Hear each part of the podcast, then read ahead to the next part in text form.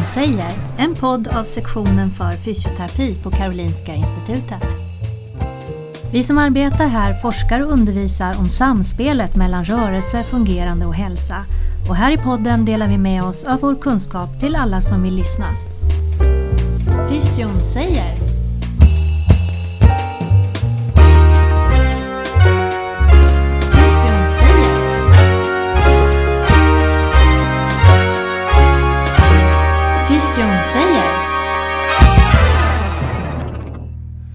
Ja, välkommen till Fysion säger. Mitt namn är Wim Groten, jag är docent på Karolinska Institutet. Och dagens podd handlar om pedagogik och vi har i studion Anna Pettersson som är programdirektor i fysioterapiutbildningen. Välkommen hit Anna. Tack! Mm. Vad gör en programdirektor? Ja, eh, en programdirektor har ansvar för alla kurserna som ingår i fysioterapeutprogrammet. Och eh, jag följer upp kvaliteten i eh, utbildningen kan man säga. Kvaliteten och progressionen i utbildningen. Just det. Och eh, du är fysioterapeut naturligtvis. Mm, det stämmer. Och jag läste att du har tagit din examen från USA. Jag åkte till USA när jag hade gjort klart min grundutbildning och tog en amerikansk sjukgymnastexamen som det hette då. Mm, det intressant. stämmer. Sen har det varit en sväng på fysioterapeuternas förbund, eller hur heter det? Just det, fysioterapeuterna heter ju vårt professionsförbund och där har jag också verkat som professionsutvecklare. Ja, För jag har alltid varit engagerad i det här med professionsutveckling och utbildning och lärande. ja, och då har vi kommit in i dagens ämne. Det är lärandet här nu. Och då finns det olika typer av pedagogik. Eh, Hur skulle du nu vilja beskriva pedagogiken som vi gör just nu? Bra fråga! Jo, vi såg ett behov av att förändra utbildningen utifrån dagens krav i hälso och sjukvården. Hälso och sjukvården förändras ju också och då behöver vi också förändras. Ja, Så det vi gjorde när vi ändrade om utbildningsplanen det var att vi såg ett behov av att tidigare lägga studenternas kontakt med hälso och sjukvården. Vi la också lite större betoning på praktik i öppenvård än vi hade gjort tidigare. Vi har också lagt fokus på eh, livslångt lärande Mm. där studenterna jobbar med portfoliometodik, reflektion och återkoppling genom utbildningen. Just det. När jag pratade lite med dig innan podden här nu, då hörde jag att eh, vi har bara en treårig grundutbildning.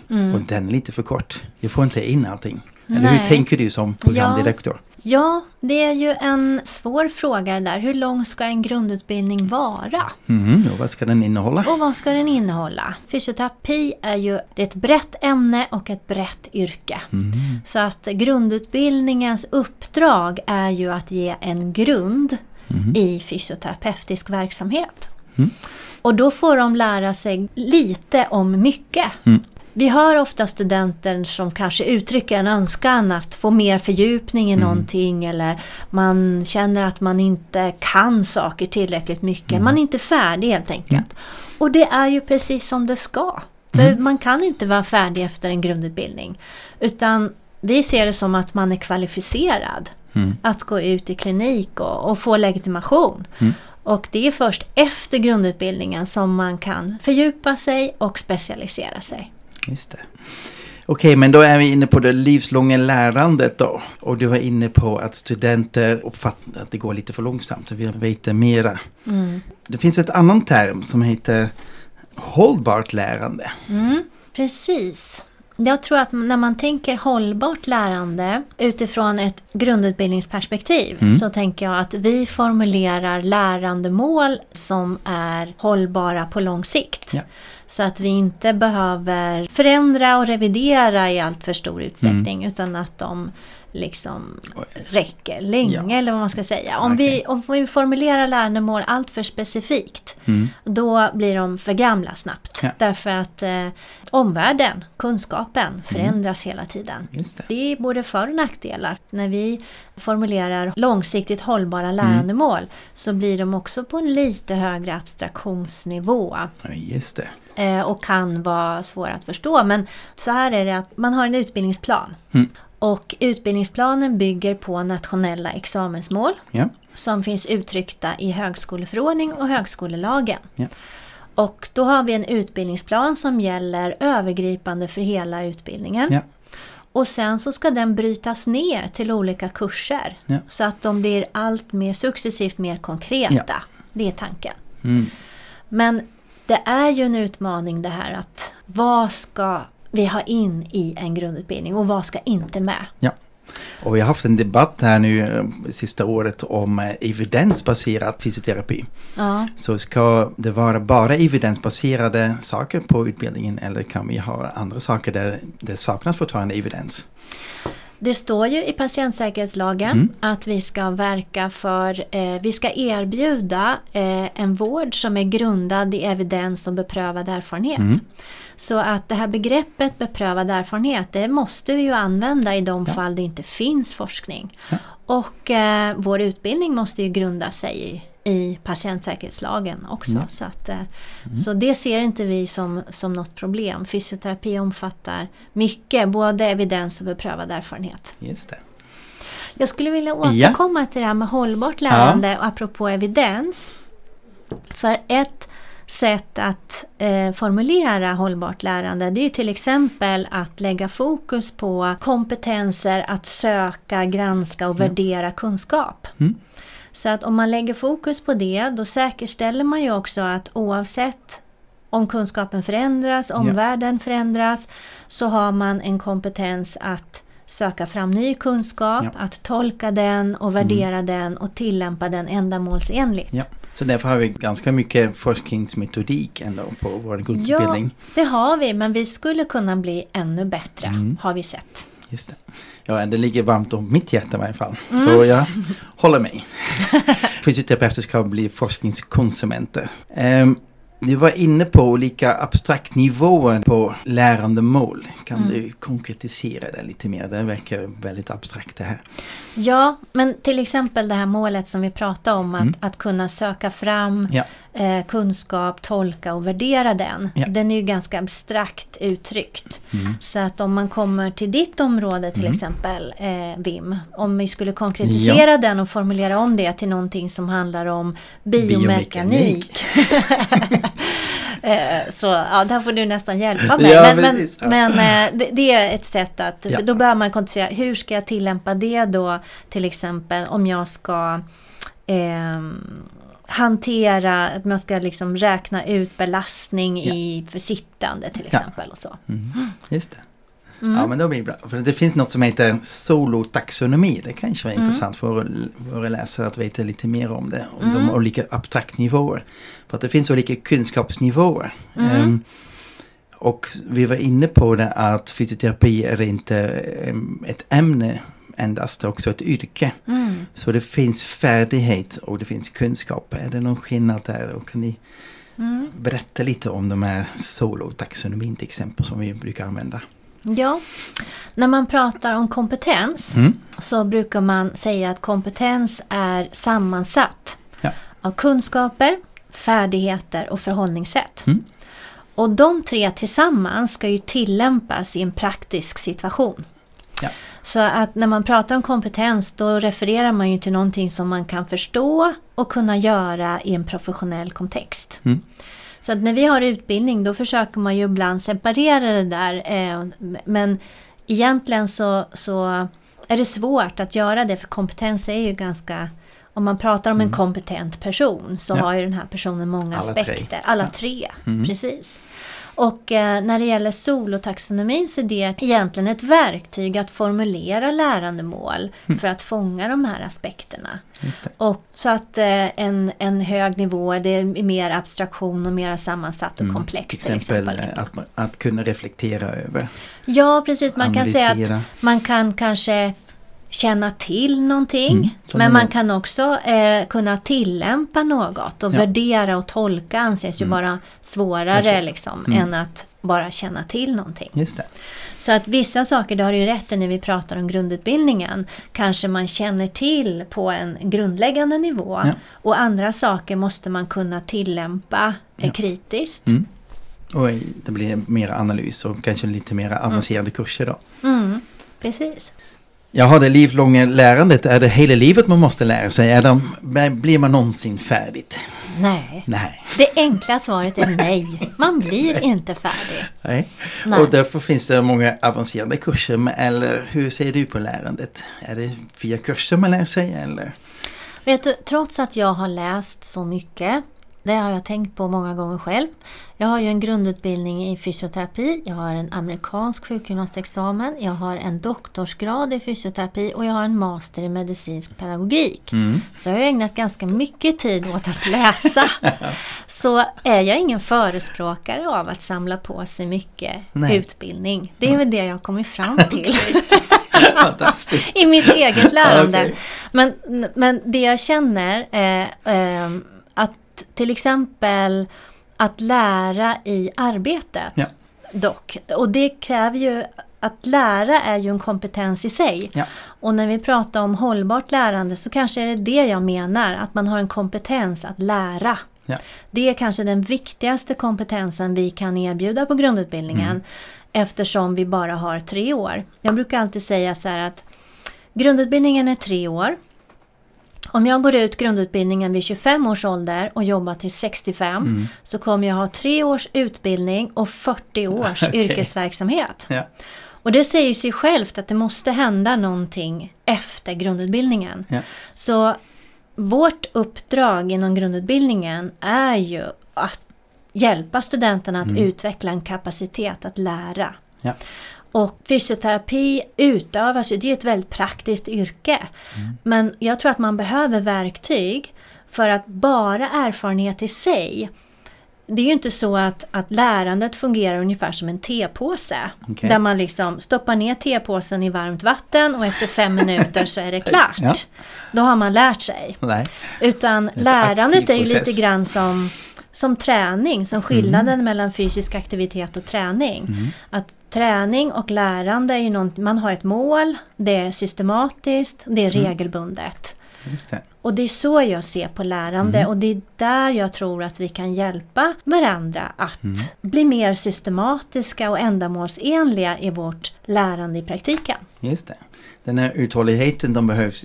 Jag ser ibland inte den här långsamma processen att träna och träna blir man långsamt bättre. Men i, min, i mitt ämne som biomekanik upptäcker jag ofta att det är en polett som trillar ner. Så man har noll kunskap men plötsligt Kaching, det, sån här man den. aha-upplevelse. Precis, Ja. äntligen har man fattat. Ja, Och- det är också ett sorts lärande. Ja, det går i skovt och sådär. Eh, ett annat sätt att tänka. Mm. Då tänker jag på de fysioterapeuter som kanske lyssnar på detta som man kanske säger ska jag gå en extra kurs eller ska jag inte gå en extra kurs? Eller Mm. vad, vad skulle du vilja ge dem för råd? Ja, mitt råd är till dem att titta kritiskt på sin egen portfölj. Hur ser min erfarenhet ut? Ja.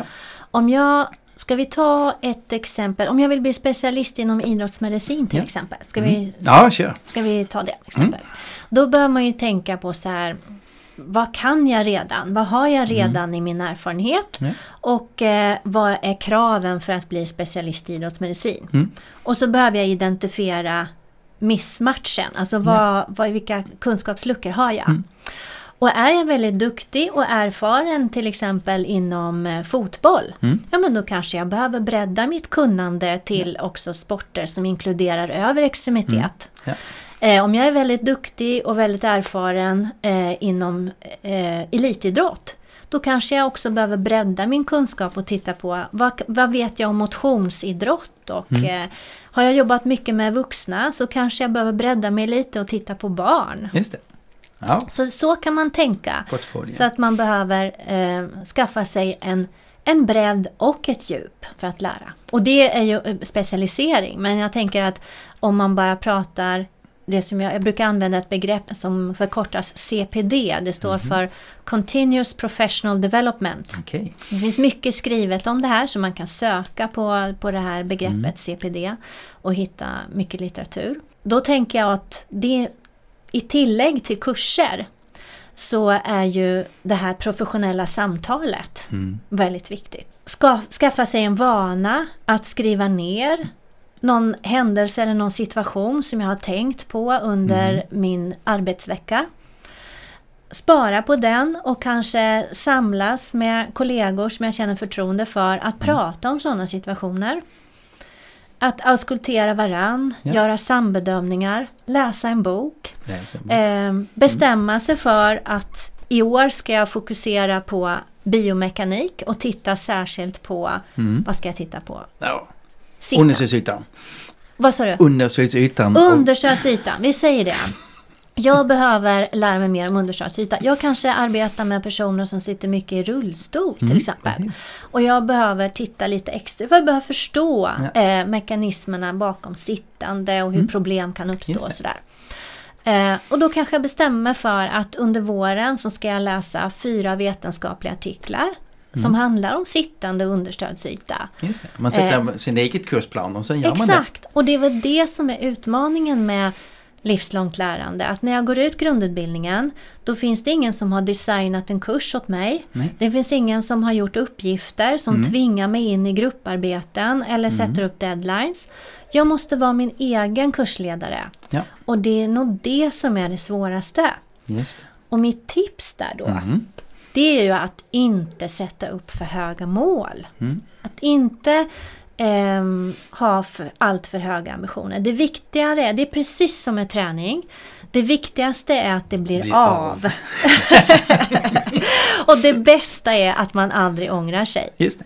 Så har man suttit ner, har man till exempel under eh, en månads tid sparat på en, en situation som har stuckit ut under arbetsveckan och sen samtalas, samlas fyra kollegor. Man kan ju göra en rolig grej av Mm. det, äta gott. Det. Eh, ha det lite trevligt som någon bokklubb fast här Ja. pratar man om situationer som har gjort avtryck under Ja. arbetsveckan. Mm.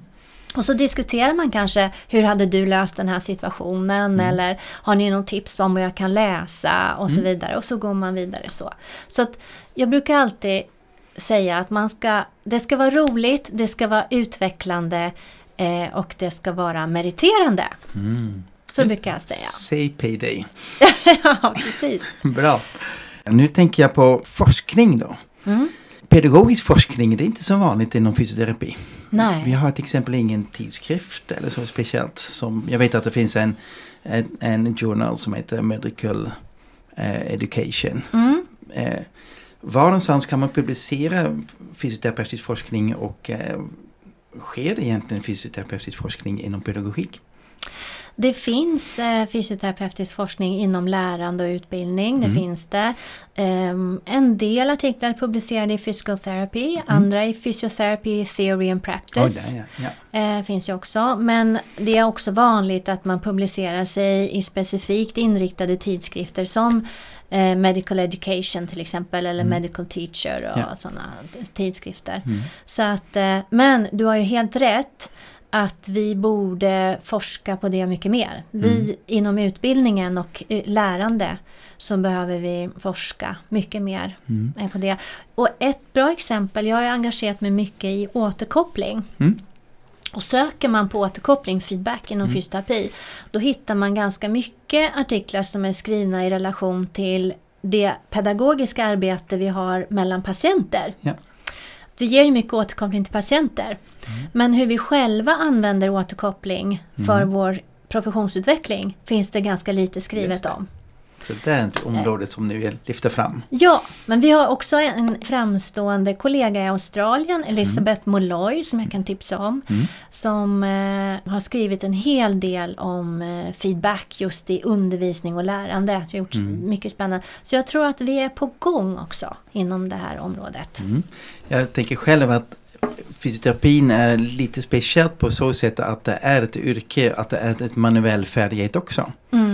Som man lär sig att spela fiol eller lär sig att mobilisera en lejd. Och de flesta pedagogiska studier är mera på kognitiva funktion. Att hur man lär sig, hur man kan, kan komma ihåg olika saker. Men inte den fär- Ja. fysiska färdigheten, eller hur säger du? Ja, jag skulle säga att det finns många teorier inom lärande. Lärande och pedagogik är ett väldigt brett forskningsfält.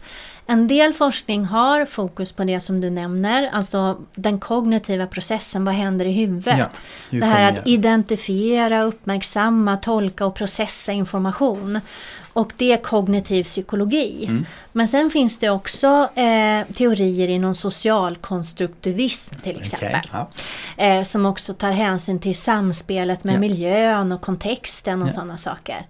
Eh, så det finns, eh, Knut Illeris är en person som har beskrivit en mer övergripande eh, pedagogisk modell eller modell för lärande.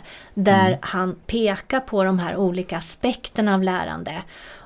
Forskningen, eftersom det är så komplext, så tenderar forskning att inte mäkta med att lyfta alla Nej. aspekter. Utan ofta blir det ett visst fokus. Ja. Så man kanske tittar på, några kanske tittar på motivation Mm. eh, och sådana saker. Alltså aspekter som har med individen att göra. Mm. Andra tittar på den här förmågan att processa och tolka. Och någon tredje tittar på samspel Mm. med omgivningen.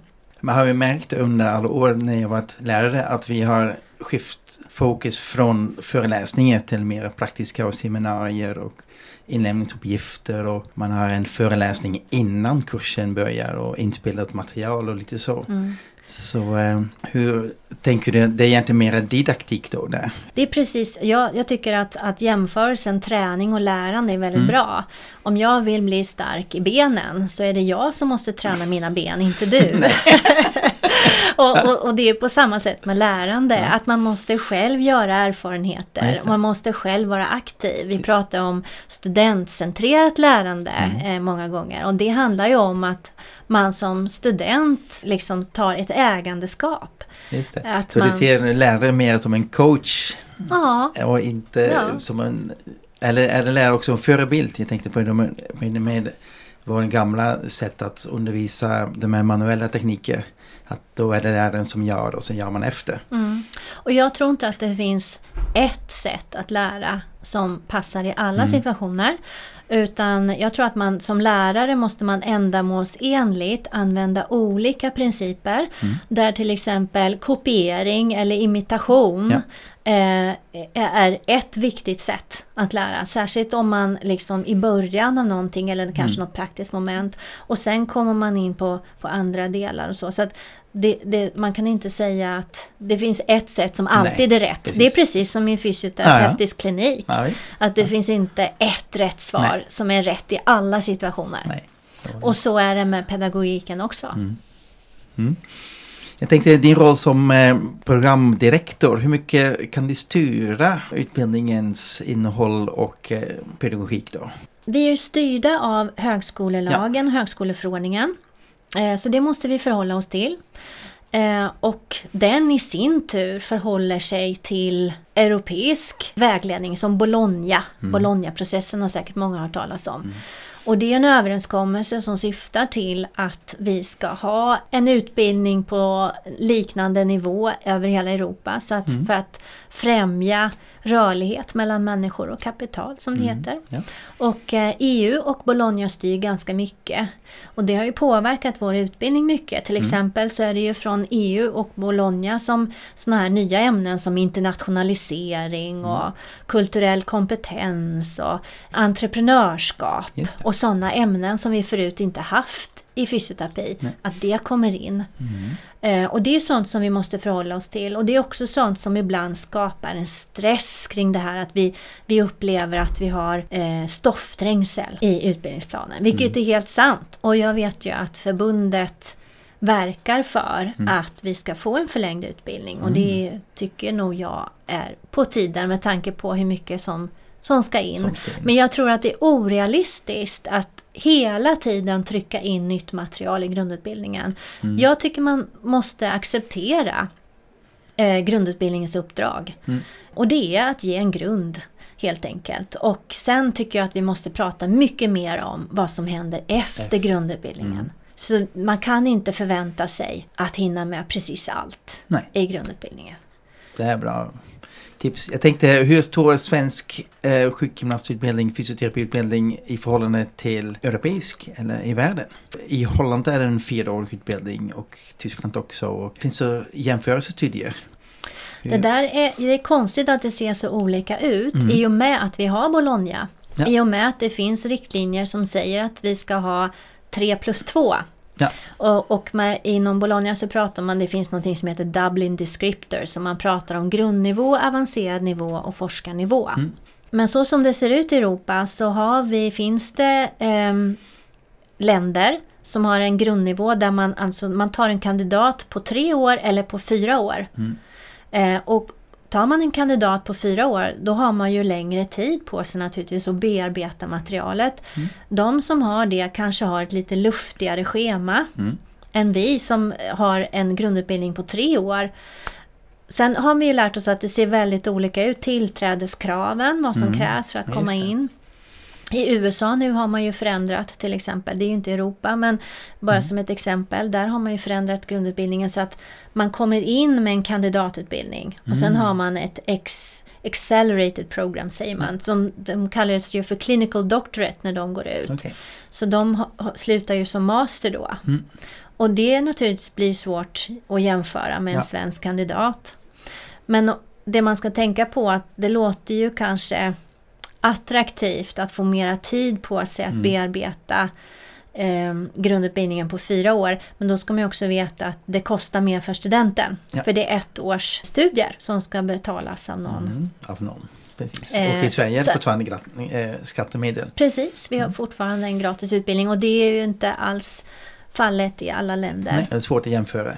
Ja, men eh, det, det, ser, eh, det ser olika ut i olika länder och också det här, det, det här som när vi pratar livslångt lärande och specialisering så ser man ju, det ser också väldigt olika ut. I Sverige det står ju visserligen i yrkesetiska regler och Mm. eh, patientsäkerhetslag och sånt att vi förväntas hålla oss ajour med evidens till exempel. Ja. Men det är ju ingen som formellt följer upp att det sker. Nej. Men i andra länder så gör, gör ju det. Mm. I England till exempel så måste man visa att man har upprätthållit sin kompetens. Mm. Och kan man inte göra det så förlorar man sin legitimation. Oj. Och det är ju fallet också i USA eh, Mm. till exempel. Och i Holland så har man också det systemet men Mm. där tror jag att det är reglerat. De har ju mycket mer privat Ja. hälso och sjukvård än vad vi har. Och då är det reglerat via försäkringsbolag, man får mindre ersättning och så vidare. Om man inte upprätthåller sin kompetens och så.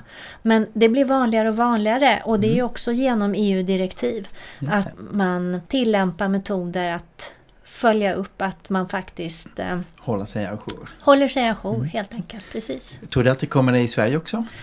Jag vet inte. Mm. Jag vet faktiskt inte. Nej.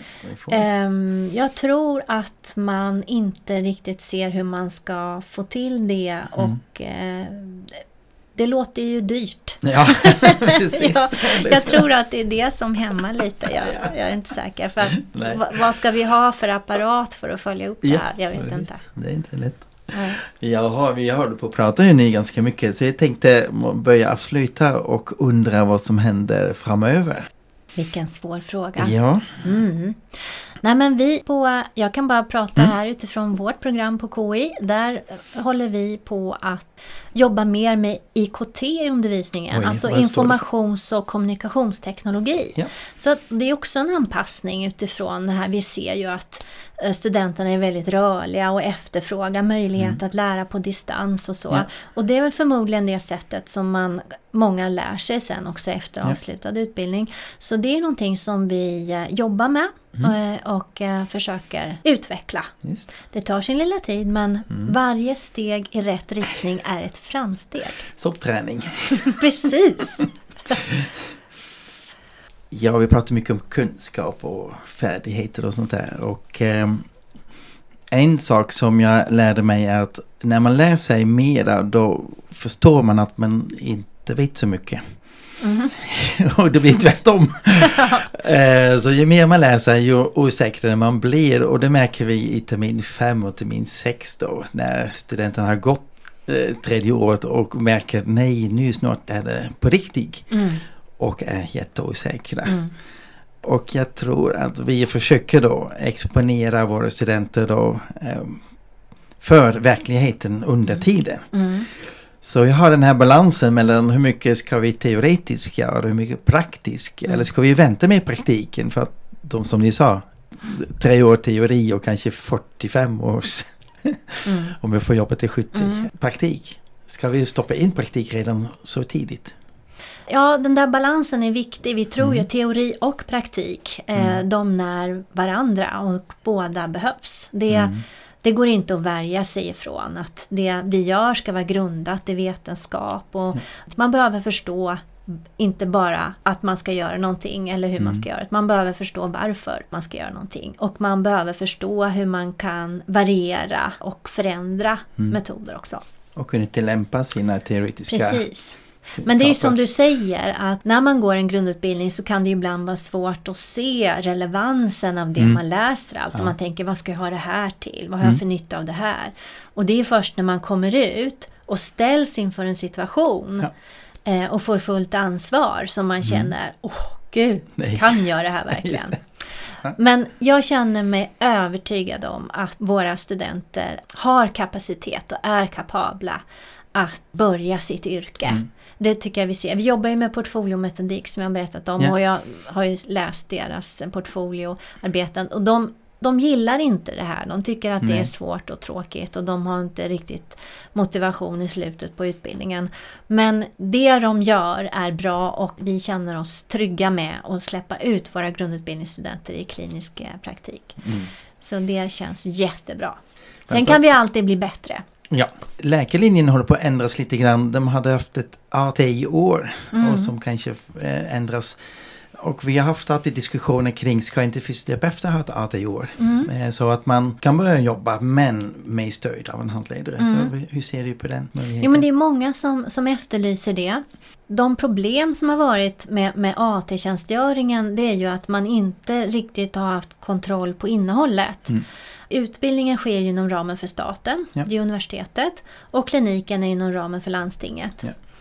Och det har varit lite otydliga roller där apropå uppföljning av kvalitet. Just Att man inte har riktigt kunnat säkerställa god handledning och ett likvärdigt innehåll för alla när man har förlagt Ja. AT utanför universitetet. Ja. Så nu, den här förändringen som görs inom läkarprogrammet görs ju för att utbildningar i Europa ska bli mer jämförbara Mm.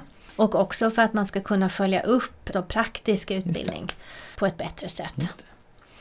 Och sen så kommer ju läkarnas specialisering kommer ju utöver det då. Och den är ju reglerad till skillnad från fysioterapeuternas, eller den är sanktionerad av samhället. Vår specialistordning är också reglerad men av förbundet kan man säga. Just det.